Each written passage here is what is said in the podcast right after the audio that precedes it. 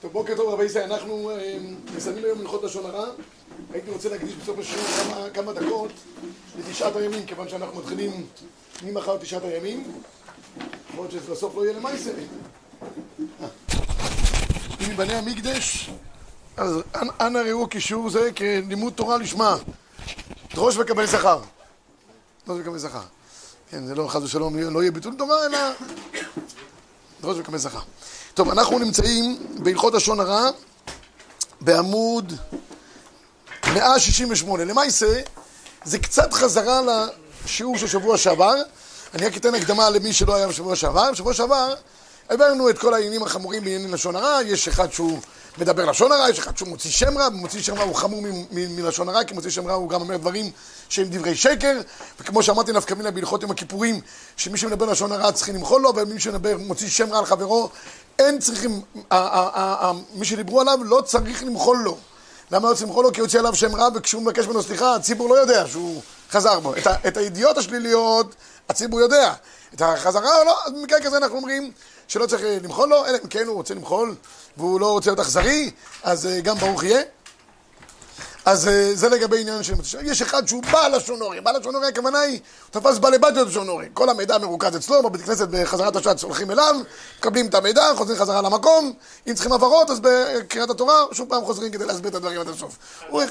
אה, כן, כן, הוא אחד כזה שמרכז את כל המידע בצורה מאוד פיקנטית ועניינית. עכשיו רבי ישי, זה, זה, שבוע שעבר בסוף השיעור הבאנו שבעה תנאים למצב שבו יש אפשרות לדבר לשון הרע. זאת אומרת, כמו שאמרתי בסוף, אי אפשר לחסום את האנשים יותר מדי. בכל אופן, אה, בלטרסון יש לנו גם איסור מדאורייתא. אז בשבעה תנאים החפץ חיים התיר לדבר לשון הרע, ונראה שבעת התנאים. מי שרוצה לראות בחוברת הקודמת, בשיעור הקודם, בעמוד 161, נעשה את זה בקצרה, והיום השיעור יהיה למעשה הוצאה לפועל של השבעת תנאים שאמר החפץ חיים בשבוע שעבר. שהם, תראו בבקשה מקור 16. אה, א', אני אמרתי רק הנחיה כוללת לגבי התנאים, זה כאילו אתה אומר עדות בבית דין. כמו שאמרתי בשבוע שעבר, גבול דק יש בין עדות שהיא מותרת או אפילו מחייבת, שנאמר אם לא יגיד ונשא עוונו, חייב להגיד עדות, ועל זה גם חלק מהראשונים אומרים שזה בכלל, וביארת הרע מקרבך, לבין שזה יהיה לשון הרע. אדם אומר את זה, בא עד אחד. לא יכול, עד אחד שמדבר על מישהו, זה לא אין שום אפקטיביות. הוא בא לבית דין, הוא אומר, אני עד, יש כאן בית דין, דיינים. אדוני, כיוון שזה לא בא עם שני עדים, מה שאתה עושה במקום להגיד עדות, מה אתה עושה? לשון הרע. אני לא יותר חמור מזה. וכן איזו הדרך, לכן אדם שמדבר לשון הרע, זאת אומרת, בדרך כלל, שיבין שהוא כאילו דיין או עד בבית דין. ואם זה לא נעשה בדיוק על פי הקריטריונים ההלכתיים, הוא עובר על איסור לשון הרע מהחמורים ביותר שיש. אז מתי ההיתר? תראו בבקשה. א', שיראה את הדבר בעצמו, לא על ידי שמיעה מאחרים, אלא אם כן יתברר לו שזה אמת, שנאמר, ודרשת וחקרת היטב, והנה אמת נכון הדבר. תבדוק, בבית דין לא מקבלים דברים, בטח בדיני נפשות, לא מאומדנה. אפשר לדון דיני ממונות מאומדנה, לא דנים דיני נפשות באומדנה. נדמה לי, אני חושב, אני מצרף כמה דברים ביחד, זה במשפטים בא לידי האו"ם, הללויה. אבל אצלנו אין דבר כזה. הכל צריך להיות בצורה הכי ברורה שיכולה להיות. כמו שהגמרא שם אומרת לסנהדרין, ראו אחד שיצא מתוך החדר, ויש לו חרב נוטפת דם, ויש שם הרוג מפרפר בתוך החדר. אפשר להרוג אותו? אבל אתה יודע, אין. כל הסיכויים, זה מה ש... לא משנה, אין דבר כזה. לא ראית את המייסה, זה נקרא מפי השמועה. ב', שייזהר מאוד שלא יחליט מיד בדעתו לגזל ולעושק. יתבונן היטב אם זה בכלל גזל ולעושק. ראית שיש העברת כספים בין שני אנשים. יכול להיות זה הלוואה, יכול להיות מכירה, יכול להיות, אני יודע, קניין, יכול להיות גם גזל, יכול להיות גם עושק. לא כל פעולה, הרי תמיד אומרים שאתה רואה אחד נועד סכין בבטנו של מישהו. זה יכול להיות רצח, כמו שקורה כל כמה שעות במדינתנו הקטנה שמרחם, זה יכול להיות ניתוח. תראה את התמונה הכוללת, זה ההבדל הדק בין לראות תמונה מצומצמת לבין לראות תמונה כוללת. ג' שיוכיח מתחילה את החוטא בלשון רכה. ד' שלא יגדיל את העוולה יותר ממה שאנשים אוהבים להוסיף לכל סלט, פלפל מלח, פפריקה מתוקה, גם חריפה, בלי להוספות פלפל מלח. מה שהיה, ככה. שאנשים גם אוהבים לספר את זה עם, עם, עם uh, מטעמים מסוימים, גם, גם צורת הדיבור, מספר את זה, ועושה זה, הכל נפקא מינה רבי ישראל. בסוף, איך זה נקלט? היי, שיכוון לתועלת ולא כדי ליהנות מהפגם שנותן לחברו. אין להנאה יותר אה, לאדם שחברו פגום והוא מושלם. הוא רואה שהוא... הוא בסדר והשני פגום, אין הנאה, כמו שאמרתי את הסיפור כבר שאחד הגיע, אחד הגיע ל, לרב והוא היה שייכת, הרב אמר לו בבקשה, הבמה שלך פסולה, עשרת אלפים דולר תפסיד. אם הרב פסק, אני לא מתווכח בכלל, טוב, מצוין. אחרי כמה זמן הוא הגיע בדין תורה עם החבר שלו על חמישים שקל. הרב אומר לו, אתה חייב לשלם לו. הוא אומר, אתה לא יודע למסור, אתה לא יודע כלום בחיים שלך. הוא אומר, עשרת אלפים שקל, הוא אומר, תשמע, כשאני מפסיד אין לי שום בעיה, שהוא ירוויח! הוא אומר, עד כאן. אדם שמישהו אחר מרוויח או שיש בו יתרון, זה שלא יספר דברים, כן, שיש בהם אה, אה, גם לחברו. והדבר האחרון, שלא יסובב על המזיק יותר היזק מה שנגרם, אילו הוא עד על המעשה שנעשה בבית דין. בקיצור, שהכל יהיה אותנטי. מכך, נעבור עכשיו על אוכל למעשה בעמוד 168. שאלו את הרב עובדיה יוסף, האם יש אה, אה, מצב שבו יש לך מידע רפואי על מישהו שיכול לסכן חיים של אחרים? לא מסע רפואי שאין לך נפקא מינה, אבל מידע רפואי כזה או אחר, אתה יודע שבן אדם נוסע ברחוב... חצבת. חצבת עכשיו. חצבת. חצבת. כן. הרב עובדיה מביא פה נפקא מינה לגבי אחד שנוהג. יש לו, השם ירחם, איזו מחלה שיכולה להוות סכנת חיים לאחרים. והוא לא, לא, זה, זה הדוגמה שמביאים שם. האם צריכים ללכת לדווח למשרד הרישוי ולהגיד רבותיי, אתם הולכים לתת, תבדקו לפני כן כי הוא מסכן את עצמו? הרב עובדיה אומר, לא רק שמצווה עליך, אלא חובה עליך. ממש בגדר לא תעמוד על דם רעך. יש כאלה ששאלו מתוך זה, אז מה קורה עם מלשינון של מס הכנסה? אולי זה גם אה, פיקוח נפש של המדינה? אה, כנראה שהמדינה תחיה גם, אה, לא יודע, לא יודע, לא, לא יודע, להגיד פה פסק הלכה, כמובן שאסור להעלים, אבל זה כבר גדר אחר. מס הכנסה מוציאים כבר את, המיץ לכל דבר, הם עושים, מלאכתם נאמנה. כמו שמספרים שאחד הגיע לאיזה אה, אולם גדול בתאילנד, אז מה שאמר אחד, ואמר מתי, מי שיצליח לו, אני סוחט פה את הלימון. איזה אחד שהוא חזק ביותר. מי שיצליח להוציא עוד כמה טיפות, יקבל את הכסף של כל באי האולם פה. טוב, אנשים ניסו, בסוף אחד, ישראלי, הגיע, כן, לוחץ, חמש טיפות. הוא אומר איך אתה, אני יודע לעשות, איך אתה מוציא, מאיפה אתה, מישראל, מה אתה עושה? מס הכנסה. והם יודעים להוציא. אז, אז בעניינים כאלה של ממונות, אני לא יודע אם יש חובה ללכת לאנשים, אבל בדברים שמהווים סכנה ציבורית, כמו חצבת או כמה מחלות שהזכירו פה, חובה, והרב עובדיה יוסף פה, אומר, בכמה מקרים יש חובה לזה. אתה רואה מישהו שאורב לחברו ורוצה לסכן את חייו. לא תודיע לו, תשמע, יש פה, אל תצא מהבית, רק אין לך פה איזה מישהו שעוד רגע יתנקש בך, חובה עליך, לא אומר עליך. הוא אומר, על אותו משקל, אתה רואה איזה בלייה על אחד, אתה רואה מישהו עושה איזה עסק עם אחד שעוקץ את האנשים, כלשון הציבור. מה? לא תגיד לו, תשמע, לשון הרע. בן אדם עוקץ את האנשים, משאיר אותם בלי כסף. חובה עליך, גם זה בכלל לא תעמוד על דם רעך. יש דם, יש דמים. בשניהם אדם חייב להתריע. תראו בבקשה את הרב עובדיה באיכה ודעת, מקור אחד בסוף. וכן פסק כיוצא בזה החפץ חיים. שהרואה את חברו שרוצה להשתתף באיזה מסחר עם חברו, יודע שוודאי יהיה לו הפסד, חייב להודיעו. וכן שיודע לאיזה בחור, יש לו מחלה פנימית, שרוצה להשתתף עם בחורה מסוימת, יש לו לגלות להוריה על מחלתו של זה. ובלבד שלא יגזים מסיפורו יותר ממה שידוע לו, שיכוון רק לתועלת העניין של סילוק עם חברו, לא התכוון להשמיץ את חברו מתוך קנאה ושנאה, קיצור, אם אתה אומר דברים נכונים ואמיתיים, אתה חייב, זה למשל אפילפסיה, בחור, לא עלינו, שבישיבה אנחנו יודעים שיש לו בעיה ובאים לשאול אותנו, חובה עלינו את הדבר הזה להתריע. יש דברים אחרים שפה הם מאוד גבוליים, מידות. שואל לך בחור טוב, אתה יודע שהמידות שלו לפעמים לא כל כך אה, טובות. זה כבר, כבר אפשר, זה פרשנות כזאת או אחרת, זה כבר סיפור אחר. אבל דברים רפואיים ברורים, אתה חייב לדווח. אין פה... תשמע, אני רוצה להגיד לך, רפואת הנפש זה בעיה קשה ביותר, כי היום כמעט אין אחד שלא עובר איזשהו אה, טיפול, במיוחד הפסיכולוגים בעצמם הם, אה, אה, כן? חס ושלום. קיצור, אנחנו, בעיות הנפש הן בעיות קשות. אני אומר לך, השאלה שנמצאת פה על שולחננו, יש מצב שמתארים לך שידוכים באופן ברור. אחד מבני המשפחה התאשפז בגלל בעיות נפשיות, הבחור בכל אופן בישיבה הוא בונבוניירה, הוא מתפקד, הוא שר, מצוין. שואלים, שואלים, יש בעיות במשפחה, גם בעיות נפשיות?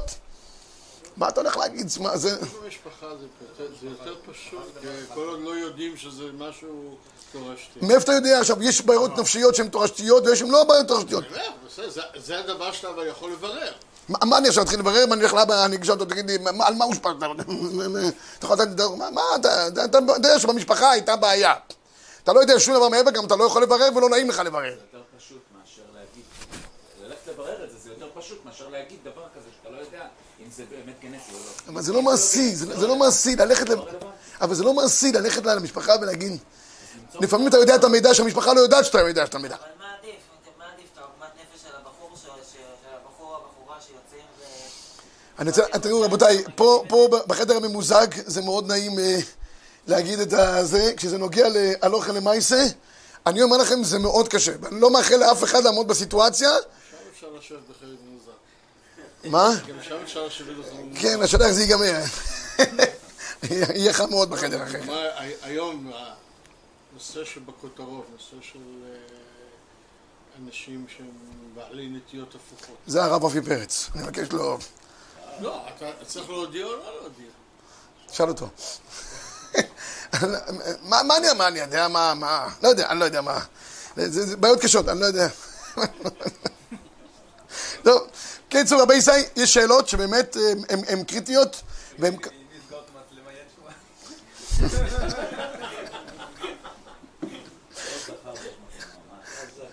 טוב, אה, תנסה. אז בקיצור, אני אומר, יש דברים קשים, צריך המון שיקול דעת, אני רוצה להגיד, המון שיקול דעת, לדעת באמת אם אתה פה אה, הורס עולמות, ואיך להגיד, וגם צורת האמירה, וההסתייגויות שיש, כי לא הכל תורשתי, ולא הכל באופן אוטומטי, וצריכים פה... זה עדיין רלוונטי, כי זה כבר, לא הייתה איזה בעיה שאני ידעתי לפני עשר שנים, או שמאז הוא עבר איזשהו, איזשהו משהו, עכשיו זה בסדר. אז היה שאלה עד הקהילות יעקב, את השאלה שאתה מעלה עכשיו, הייתה בעיה רפואית שהיא נגמרה, טופלה ונגמרה. אומר, בדבר כזה אתה לא צריך לחזור ונאור, אין לו חזר ונאור, נגמר, נגמר, טופל ל-100%. אבל אם זה בעיות נפשיות למשל, שבדרך כלל הן לא נגמרות, הן רק אולי מטופלות לזמן, אבל הן בעצמן חוזרות חזרה, מה אתה עושה במקרה כזה? יש ברפ... מחלות, נגמרו, אבל יש גם מחלות שבעצם יש טווח סיכון, ל- לא יודע, לחמש... יותר גבוה. כן, אין הכי נמי, אבל פה הסכימו מככה, אם זה נגמר, מבחינתנו זה נגמר. הוא רוצה שיברר יותר לעומק. דברים שהם תורשתיים, הם יותר מצויים שחוזרים, שם השאלה הגדולה. ושואלים אותך, יש במשפחה? יש בעיות נפשיות שהן לא משפיעות על התפקוד היומיומי של בן אדם. ההפך, הן מחזקות אותו. לא, למשל אחד יש לו הפרעת אכילה. הבן אדם נורמלי, עובד, לומד, הכל בסדר, יש לו הפרעת אכילה. זה משהו שכן צריך לספר או לא?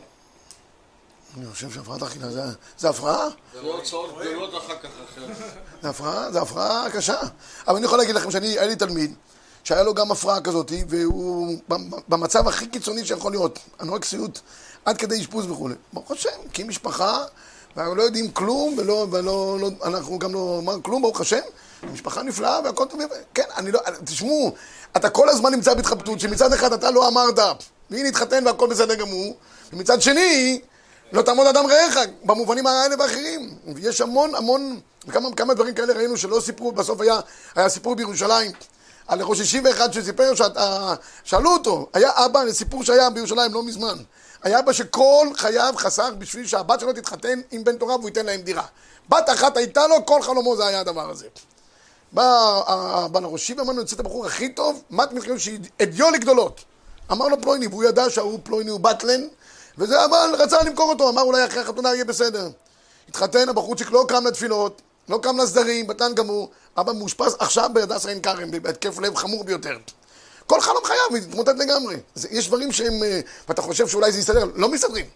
לכן אה, יש פה המון דברים עדינים שצריכים פה לדעת איך, איך, איך מתנהלים, לא פשוט. אני רוצה להגיד לכם, זה, הבעיה היא שזה נוגע לדיני נפשות, זה לא איזה אה, מלט, אמרת, אמרת לו על הרכב, יחליפו לו ראש מנוע. בסדר, לא משנה, יחליפו לו את הפגוש. מה? הסיפור הוא לא דומה בכלל לסיפורים הקודמים. פה שאלו את הראש ישיבה את מי לקחת, והוא הלך ואמר על מי... כן, אבל הוא אמר, שאלו אותו, לקחו אותו לדין תורה.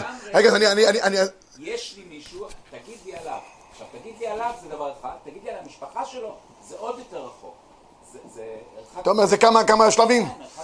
כן, אבל, פה למשל, בשאלות הראש ישיבה, שלחו אותו לדין תורה, אמרו לו, למה שיקרת? הוא אומר, תשמעו, הבחור עם פוטנציאל בלתי רגיל, הייתי בטוח שיצא גדול. הוא התחתן.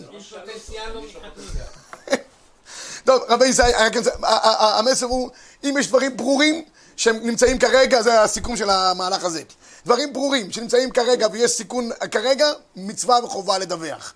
שאר הדברים האחרים שהם מעורפלים, הרבה שיקול הדעת, זה המסר. שיקול הדעת זה גם רב צריך להתייעץ עם בעלי מקצוע. אין הכי לא נמי. יכול להכריע לבד בדברים האלה. אין נמי. אני תמיד אומר שרבנים הם מוגבלים, רבנים מוגבלים, הם לא יודעים הכל, גם דרך אגב שבאים אליהם בחורים כל מיני בעיות. עד גבול מסוים מאוד מינימלי, מאוד מינימלי. מכאן ואילך, בעלי מקצוע. שלא יתיימר להיות אה, גם יועץ נישואין וגם יועץ רפואי וגם יועץ נפשי וגם... לא, שיתעסק בפתחי תשובה יותר טוב. ומה שהוא לא יודע שיעביר הלאה.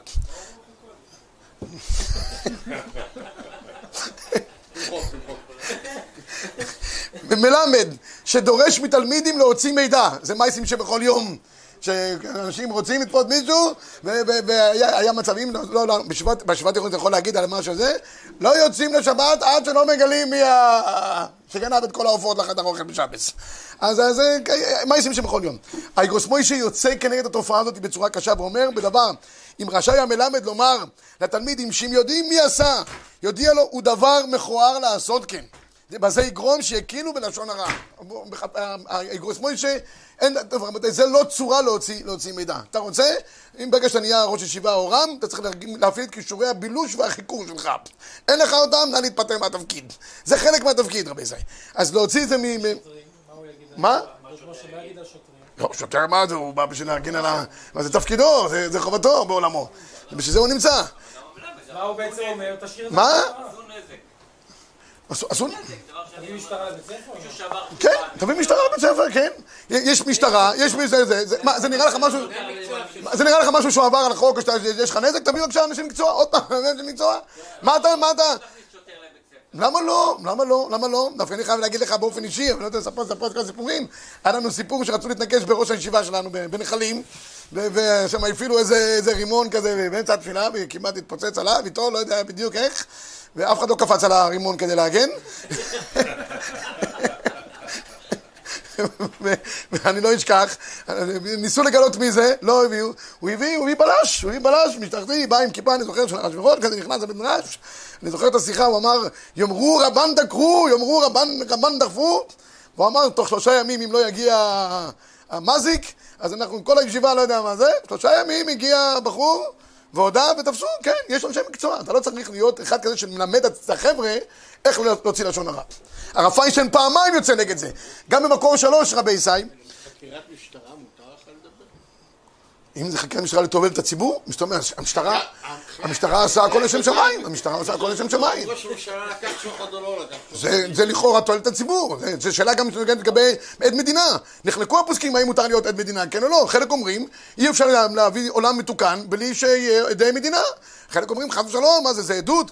אה, הנה, זו הדוגמה שאמרתי לכם קודם, שעד מדינה, כיוון שזה לא נעשה בבית דין יפי הקלים, הוא נחשב בעל לשון הרע הנוראי ביותר. הוא מוציא שם רע אפילו. למה זה? הוא פושע בעצמו, אבל נחלקו הפוסקים, האם מותר להוציא כדי להביא את תועלת הציבור, אם זה, או, או הפוך. תראו, לשוטרים לא תמיד, אה, הם יודעים גם להוציא את כל המידע, אני תמיד אומר שחלק מהשוטרים לא, זה, מספרים שאחד רצה להתכוון למשטרה, אשתו הכין אותו לפני כן, אמרה לו, תשמע, 2 כפול 2 זה 4, 2 כפול 2 4, הגיע למבחן, 2 כפול 2 רשם 5. שחט הבית, מה רשמת 5? הוא אמר לה, אני לימדתי אותך וזה אבל הוא קיבל אחרי כמה ימים זימון לשלוחות המשטרה. בא למפכ"ל, הוא אומר, תגיד איך יכול להיות? 2 כפול 2, רשמתי 5. היית הכי קרוב. כן. אם מספרים על אדם שהוא לא בנוכחותו, דברים לא רעים, נגיד שהוא עשיר גדול, והוא לא רוצה שידעו את זה. שאלה אם אבק לשון הרע. אבק לשון הרע.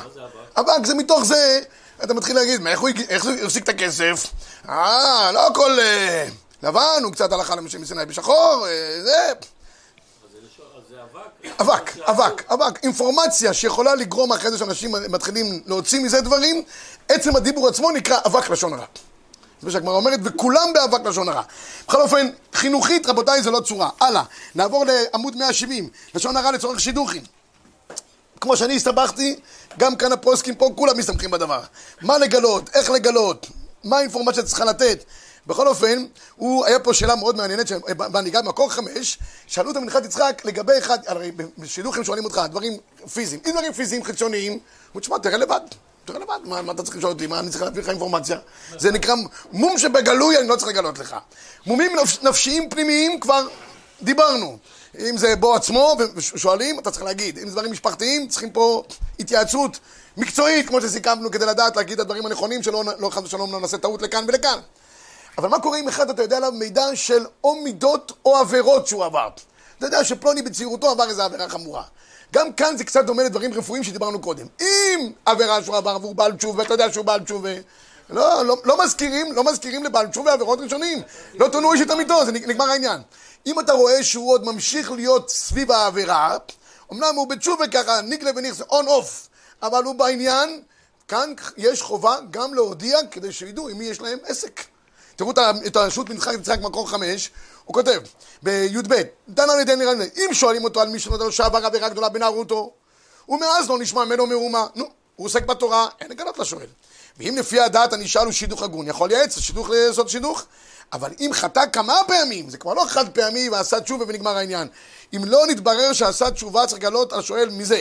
ואם עשה תשובה, עדיין למיחש מבעיה. וצריך לגלות לשואל. תשמע, יש לו בעיה בדבר פלויני, תבדוק את העניין הזה. אבל יכול לומר לו לעשות השידוך, ואם יודע שיגלה לו, ודאי לא יעשה השידוך. הנכון להשמיט עצמו מלעצור כלום. יש פה עצה, שאם אתה רואה שאתה מסתבך, ופעמים אנחנו משתמשים בעצה הזאת, אנחנו אומרים, "תשמעי, אנחנו לא מכירים אותו מספיק, מספיק טוב. אבל תבדוק, תבדוק לעומק. אני לא הייתי הרם שלו בדיוק, אני לא, זה, לימדתי אותו רק בלילה כשהוא היה ישן. דברים כאלה, ואז אתה נמלט, אם, אם זה דברים שאתה חייב להודיע, אתה לא יכול להימלט. אם זה דברים שהם פר והם נתונים לפרשנות, אז תן לו גם להבין פרשנות. אם הוא מבין, מבין, אם הוא לא מבין, אז שישתדך איתו. בסדר. בעמוד 172, בדיווח רפואי לצורך שידוכים, דיברנו כבר גם עניינים אה, כאלה. עכשיו יש פה עוד דבר אחרון שניגע בו לפני שניכנס לענייני תשעה באב, זה לגבי אה, אה, מושג שנקרא באפטלטה. יש דבר כזה שנפוץ בפי הציבור, אם הדבר נאמר, נאמר באפטלטה, אז כבר אין איסור לשון הרע. זה הגמרא בבטרה מקור שבע, דאמר רבא בר אבונה, כל מינתא דמיתמרא באפטלתא, לד בה משום ליש- לישנא בישא. כל דבר שנאמר בפני שלושה, עכשיו, יש כאן שני צדדים בהבנת הראשונים, מה זה נאמר באפטלתא. האם הכוונה היא שאתה מספר את זה לפני שלושה אנשים, אז כבר אין עליך לאיסור לשון הרע, למה? כי אתה כבר לא תספר יותר מדי, כי מה שנאמר נאמר בפני שלושה, זה יעבור הלאה ויגידו את זה בשמך. ממילא, מסתום אתה נזהר מלהגיד דברים לא נכונים, כי יגידו שפלויני סיפר את זה. זה אפשרות אחת. אפשרות שנייה, בהבנת הראשונים, אם זה כבר סופר בפני שלושה, והדבר כבר נפוץ, מותר לך להמשיך להעביר את המידע הלאה. הדבר הזה לצורך העניין סופר בתקשורת, סופר בעיתון באיזושהי צורה, היה ב-D בכל אתר ואתר באיזשהו מקום, אז כבר שזה כבר נפוץ לרבים, זה שאתה מעביר את המידע הלאה, אתה לא מחדש שום דבר, ולכן אין בזה איסור לשון הרע. תראו בבקשה את ה... ההיתר הזה נסמך על עוברי עבירה בעצם. מה זה דין אפליה? משהו שנסמך על זה שהמציאות היא... בדבר הזה אין הגדרה של לשון הרע. מי אמר אולי אחד מהשלושה הוא לא מספר לשון הרע? היתר. אז- שלא- יספר. יש אחד מהשלושה, הוא או אביו, או אבו, או- ירא שמיים שלא יספר, אז אין את ההיתר של הפליטלטה. למה? עצם המציאות של אפטלטה. אפטלטה זה מים מת בפני עצמו. תראו שנייה את הרשב"ם רבי ישראל, מקור, מקור שמונה, תכף נראה את החמץ באפטלטה משום משתמשים. אם יחזרו ויאמרו לזה, יש כמה הסתייגויות, כן? זה לא עכשיו שאני אומר לכם מכאן ואילך, מצווה עליכם לספר כל מה ששמעתם לפני שלושה, או לספר דברים לפני שלושה. תכף אני אגיד את ההסתייגויות. אם יחזרו ויאמרו לזה, כך אמר פלוני עליך. ותמה כדפרש בערכים, יש ערכים, מה דמר חברך חברה איתלה, ואמר אביי, אטם דחולמינתא דאבידא לגלויה, לד בה משום לישנא. הרי זה דבר שעשוי להתגלות, זה נקרא מינתא דאבידא לגלויה, לד בה משום לישנא בישא. אם מותר לפרסם ברבים פסק דין, או שאדם פלוני הועמד בדין. נראה קצת ההסתייגויות כדי שנוכל להגיע לזה. תראו בבקשה את, ה, את החפץ חיים במקור 13. אומר החפץ חיים, ההיתר שיש בחז"ל לספר לשעון הרע בפני שלושה, מדובר בסיפור שאינו גנאי גמור. הוא משתמע לשתי פנים, ודבר כזה תלוי למי, לפי מה אתה מספר, בעצם מספר. אם מספר דבר כזה בפני שלושה, מותר, למה? כיוון שיודע בוודאי, זה בסיס היתר, יודע בוודאי שהדברים יגיעו לאוזנו מי שמספר עליו, ולכן יספר באופן חיובי. יש אומרים שאם אדם מספר לשון הרע בפני שלושה, זה הצד השני של הדברים, אמרתי לכם משני צדדים. הוא מספר, הוא לא יספר את זה בלשון הרע, כי הוא יודע שהדברים יגיעו הלאה. אז הוא יספר את זה בלשון שמשתמעת לשני פונים. עוד צורה יש, אחרי שהוא כבר שומע דבר שנאמר בפני שלושה, אף שבוודאי המספר עבר על איסור לשון הרע, אבל אם אחד מהשלושה הלך וסיפר למישהו אחר, לא עבר על איסור לשון הרע, כיוון ששלושה כבר יודעים מזה. נחשב כאילו כל העולם יודע, אתה לא מחדש כלום, לשון הורה זה חידושים, השם ירחם לחידושים האלה, כן? אבל זה חידושים. ודווקא אם סיפר לחברו בדרך מקרה, אבל לא שהתכוון לגלות את הסיפור ולגנות אותו יותר. ואפילו אם לא סיפר בשם מספר לו, כן? אלא מספר שסתם נשמע לו ככה פלוני. בכל זאת עובר על איסור לשון הרע. ולכן יש פה דיון שלם לגבי משנה הלכות, אם מישהו יודע איזה פסק דין על מישהו וכולי, האם מותר לו להעביר את זה הלאה, כן או לא, אבל היתר הזה של אה, הפטלטה, כמו שאמרתי בחפץ חיים, הוא מובן שאתה מספר, אתה לא מספר לשון הרע גמור, ואם זה כבר נודע, אתה לא חייב לספר, אבל אין עליך איסור לשון הרע, כי הדבר כבר נפוץ לכל העולם כולו. נחתום את החלק הזה של שמירת הלשון בדברי החפץ חיים, מקור 15. תראו בבקשה את מי שדיבר לשון הרע, כן. אם יש דבר שיש לי פירוש, אפשר לעשות גוגל זה בהפטלטה, אני חושב, לא? זה משהו שכבר נודע. תחילת המיליארד. טלת מיליארדה. אני חושב שברגע שזה נפוץ לשם, כבר אין, אתה לא מחדש כלום. כל, כל, כל, כל ילד יכול... אה, כן, אבל. מה? יש גם שקרים, פייק ניוז, השאלה אם להעביר את זה. אבל... טוב, אני לא יודע, מה זה משנה? אז השקרים גם... אה, תגיד, תגיד. זה- רבותיי, ברגע ש... לא שזה קרה, אלא שהתפרסם. כן, פרסם בגוגל, פרסם בגוגל. מה? אבל אבל עוד פעם, רבי ישראל, מה שכבר פורסם, כבר פורסם עליו ונגמר העניין. הוצאת שם זה לא שקורה לשון הרע הדבר? לא, בעניין הזה לא, בעניין הזה לא. אם, אם, לא, אם, זה, אבל עוד פעם, זה פורסם או לא פורסם? אתה יכול להגיד בעיתון, הרי העיתונים, זה מה שהם עושים, מורחים אותך בעמוד הראשון. מחרת כותבים, אה, טעות, טעות, אה, התנצלות וטעות. הרגנו את פלויני, אה, מנסים להכין אותו מחדש. אבל, אבל ברגע שזה כבר נכתב ונחתם על פלויני, לא נראה לי שכבר יש פה איזה הבדל גדול. אתה יכול להגיד, סגת דבריך, תשמע, לא, לא שאני יודע בעצמי, ככה פורסם. בסדר? אין מצווה גם על זה, רבי ישראל, להוציא, רק דברים שהם צורך. צורך עבודה, זה משהו אחד. סתם ללכת עכשיו להוציא דברים מהגוגל ולהתחיל לספר לאנשים, אפשר ללמוד במקום זה, חבל על הזמן. יש עוד מה לעשות בחיים.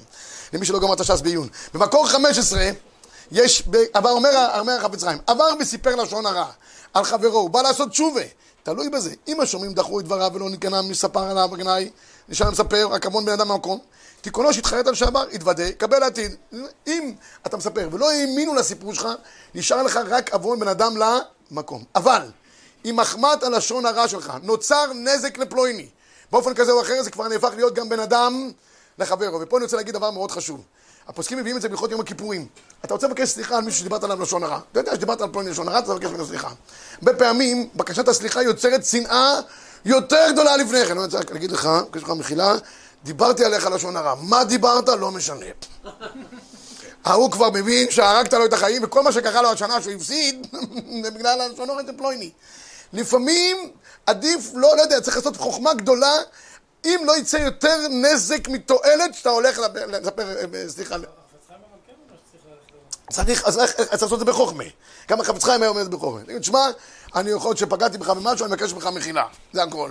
אה, זה מבקש ממך סליחה, תמחל לי. אבל אם הוא מתחיל להגיד לו דברים ספציפיים שיכולים לעורר, וזה קורה הרבה פעמים, שבאים לבקש ממך סליחה, ואתה לא, כבר לא מבין מה הוא אמר עליך, ואתה תולה בו כל מיני בוקי, סריקי כאלה ואחרים, לפעמים התועלת, הוא אומר לך, כן, סלחתי, מה זה סלחתי? סלחתי, אבל ביום פוקדי, פגעתי, פעם, צה"ל יגיע בזמן למקום שנראה לו, בעזרת השם. רק עכשיו גרמת לו מצב שאתה רוצה. לכן אני אומר, צריך חוכמה גדולה גם בין אדם לחברו, איך מבקשים סליחה שלא יצא יותר נזק מתועלת מבקשת הסליחה. בסדר? לבקש סליחה צריך, כי פגעת בו, זה גמרא מפורשת במסכת בבא קמא, גמרא שם אומרת, דף מי שפגע בך אבל צריך שיהיה בחוכמה, שלא ייווצר נזק יותר גדול. טוב, עד כאן לגבי הלכות לשון הרע, כמה דקות לגבי עניין של אה, תשעת הימים, רבי ישראל. אנחנו ממחר מתחילים תשעת הימים, בעוונותינו הרבים שעוד לא נבנה הבית בימינו, אז כאילו נחרב בימינו, ולכן יש איזה גדר של אה, אה, מנהגי אבלות כאלה ואחרים. רק באופן כללי, מה ההבדל בין אבלות על המקדש, שהיא אבלות כללית לאומית, לבין אבלות פרטית? אבלות פרטית מגמתה הולכת ויורדת, אבלות כללית הולכת ומתעצמת כל הזמן.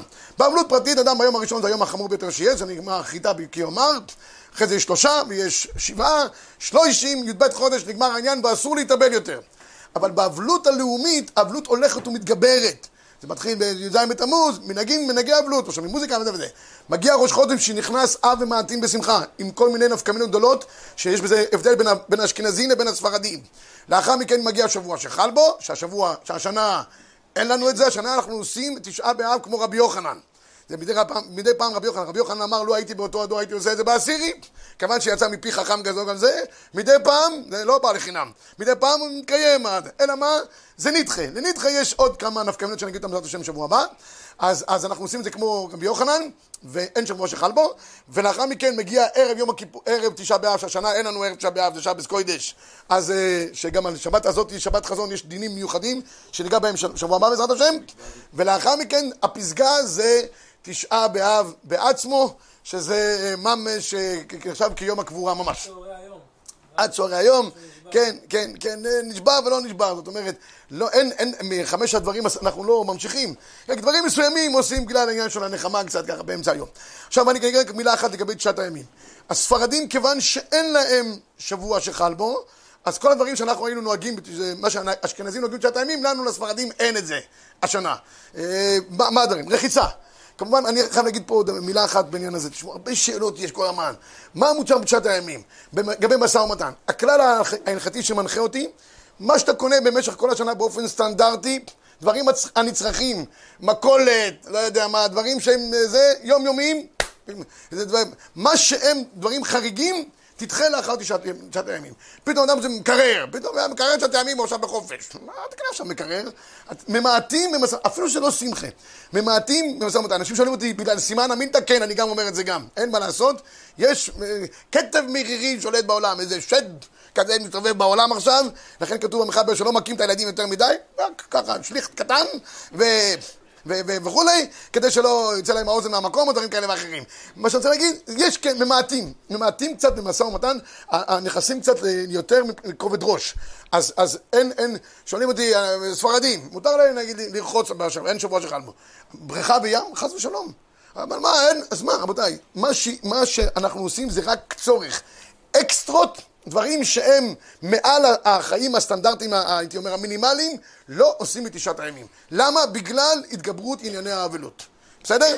אז עכשיו ככה, לאשכנזים, לכאורה עשו כבר רחיצה מראש חודש, אבל כיוון שאנחנו נמצאים בארצות החמות, ומי שמוציא את האף שלו החוצה מבין איפה אנחנו חיים, אז ממילא במקרה כזה מותר, הקלו הפוסקים לרחוץ בקרים או בפושרים. הכוונה היא פושרים שלא יהיו חמים. מה ההבדל ביניהם? כל אחד ישים את ידו בעניין. גם פה זה להוציא את הכיף מה... בדיוק, בדיוק, בדיוק, אותו, אותו רעיון בדיוק. להוציא את התענוג, אין תענוגות. צורך, כן. אקסטרה, תענוג, לא. שכוייך, זה בדיוק ההגדרה. עכשיו, לגבי אה, אה, כיבוס. אז המנהג האשכנזים מראש חודש לא להחליף את בגדיהם. אה, לזה, כמובן שהבגדים ה- שהם נצרכים להחלפה יומיומית, זה, על זה לא דיברו. אבל גם כמו שאנחנו חיים בארצות החמות, אז העצה הפשוטה והטובה ביותר זה, ל- ל- עכשיו, היום, היום זה היום האחרון לפני ראש חודש, ללבוש כמה אה, בגדים ככה לשעה, לשעה קלה, זה או לקחת בגדים שכבר השתמשו בהם, בקיצור שלא יהיה בגדים המכובסים שאנחנו מחדשים בהם זה. במידה ואדם לבש איזה בגד, ואין, והוא מלוכלך מסכן. גם על רחיצה דרך אגב, כתוב אם אדם רוחץ לשם תענוג, אבל אם אדם היה עובד, עובד בטיט, עובד אה, לא יודע מה, בדברים שהם גורמים, מוסכניק, עובד בגריז, מה נגיד לו, תישאר עם זה עד עד באב? מסכן, לא, זה לא, כן, לא שייך. אני מדבר על דברים שהם אקסטרה, יושב במשרד, הוא מקלח מדי פעם בשביל קצת אה, להתרענן, כי אין לו מה לעשות כל הזמן במשרד. אז זה לא, זה לא נקרא רבי, זה, זה, זה אסור. דברים שהם צורך ניקיון, בגד שהתלכלך ואין לך בגד אחר, מותר לך להחליף. אבל אה, בגדים שאתה יכול מעכשיו, ל- ללמוד, יש כאלה שמחמירים באמת שעת הימים, לא מתקלחים בכלל, לא מחליפים שום בגדים, הם בעצמם חורבן, לא צריכים לעשות זכר לחורבן. כן, אבל, אבל יש עניין של כבוד הבריות, זה שמה שאנחנו, יש כבוד הבריות, במיוחד בארצות שלנו, זה לפעמים בלתי נסבל, אז לכן עושים דברים מקדימים לפני כן. טוב, לגבי בשר ויין, כידוע, אני חושב שכן, בספמות זה לא, לא דיברו, כי זה גם מתנדף על הגוף עצמו. אם הוא יוצא כמו שישה חודשים בשמן עמוק, שישה חודשים צמים כמו אסתר, שיישאר בתוך הבית שלו. אה, אה, אה, עוד- מה רציתי להגיד בבשר בשר- בשר ויין, כידוע, נוהגים אש- אשכנזים מראש חודש, ספרדים נחלקו, יש כאלה מראש חודש, יש כאלה מב', יש כאלה רק שבוע שחל בו, התימנים רק בסעודה מפסקת. כל אחד וה, וה, והמנהגים שלו בעניין הזה, רק מה, אם יש אה, סעודת סיום, מסכת, כמו אצלנו בישיבה הקדושה, ביום שלישי הבא כולם מוזמנים. יש סיום מסכת, מסכת אה, קידושין, מסכת גיטין, אנחנו עושים את תשעת הימים כמנהג החסידים, ואם הסיום הגיע, לא כיוונו אותו לתשעת הימים, אלא הגיע בנחיתה, הנחיתה הגיעה עכשיו, לא צריך לעשות עוד פעם המראה מחדש, אלא נוחתים בזמן ו- ועושים סיום על בשר ויין וכולי, רק מה, הרב אריאל התקין פה תקנה, שנה שעברה בסיום, אתם יודעים פה כידוע אוהבים אה, לרקוד, ברוך השם, יש שמחה גדולה של תורה, אבל לא אה, רוקדים סיבובים, אלא רוקדים במקום. שרים, רוקדים במקום. כן, אוכלים בשר, יין, אבל במקום, כדי שלא יהיה... בראש חודש עצמו אפשר לאכול אותם? אה, תלוי, מנהג האשכנזים לא. מנהג הספרדים, חלקם כן. אבל השנה, בגלל שבת, בגלל שבת, אז אה, יכול אה, רגע, סעודת שלמה מוסלמית. בשבת, בשבת, אה, לגבי שבת הבאה אנחנו, ניגע בעזרת השם, אל תדאג. לגבי, אני רק נקודה אחת. בשבת כמובן שאין שום דיון, לא השבת הזאת ולא שבת חזון, זה פשוט ברור. עוד נקודה אחת לגבי אשכנזים, כיוון שיוצא מחר ערב שבת שיוצא ראש חודש, מותר להתקלח כרגיל, על זה אין שום דיבור. מדובר על אשכנזים מיום ראשון ואילך, בגלל שהשנה זה יצא ערב שבת קוידש, א' זה, אם זה היה יום אה, ראש חודש רגיל, ראש חודש רגיל. השנה באופן מיוחד, כיוון שזה ראש חודש, ב- ב- יצא ביום, בערב שבת קוידש, מותר להתאחד כרגיל. כמובן שמי שנוהג לטבול במקווה כל יום לקדושה וטהרה, בטח אם זה תפילת עזרא, כמובן שיכול להמשיך גם במנהגו עד, עד, עד, אה, עד אה, תשעה באב. מה מה? לגבי הבגדים, יש שני אפשרויות, או ללבוש אותם במשך שעה, ואז עם זה, או כן, לשים אותם על הקרקע, וקצ... הרעיון הוא שלא יהיו בגדים מכובסים שתרגיש בהם תענוג. אתה מוציא בגד מה- מה- מהארון, אתה מרגיש בו, אה, התחדשות מסוימת. אין התחדשות בימים האלה. לא אומרים שהחיינו, לא מתחדשים, אנחנו לא רוצים להרגיש איזשהו... מה, מה? אם עשינו מקודם כלל כזה של שגרה ו... כן, אבל יש דברים שהחריפו יותר בעניין של השגרה, כדי שירגישו יותר עניין של אבלות. לא כל מנהגי האבלות לקחו. יש לגבי דיון של ציפורניים למשל.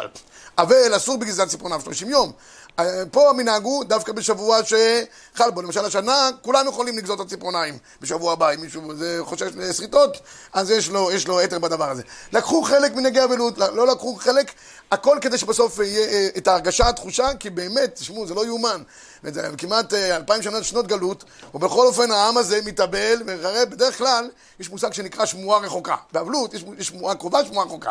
רחוקה, מה שכבר היה, נהיה. פה אנחנו ממשיכים, למה? כי אנחנו באמת מאמינים. אמר פעם מישהו, ובזה אני אסיים, יכול להיות, הרי בדרך כלל חזקה למת שמשתכח מן הלב, אחרי י"ב חודש, אני יודע.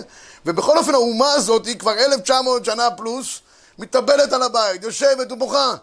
כי זה לא מת, רבי ישראל. לא מת, יש פה עכשיו כל פעם ציפייה לתחיית המתים מחודשת.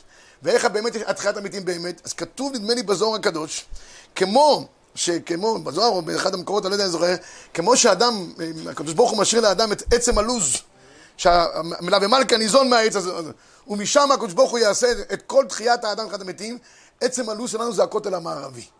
השאיר הקדוש ברוך הוא את עצם הלוז מכל הבית כולו, מכל העניין כולו, כדי שממנו יהיה אחרי זה אפשר לבנות את כל הבית בשלמותו.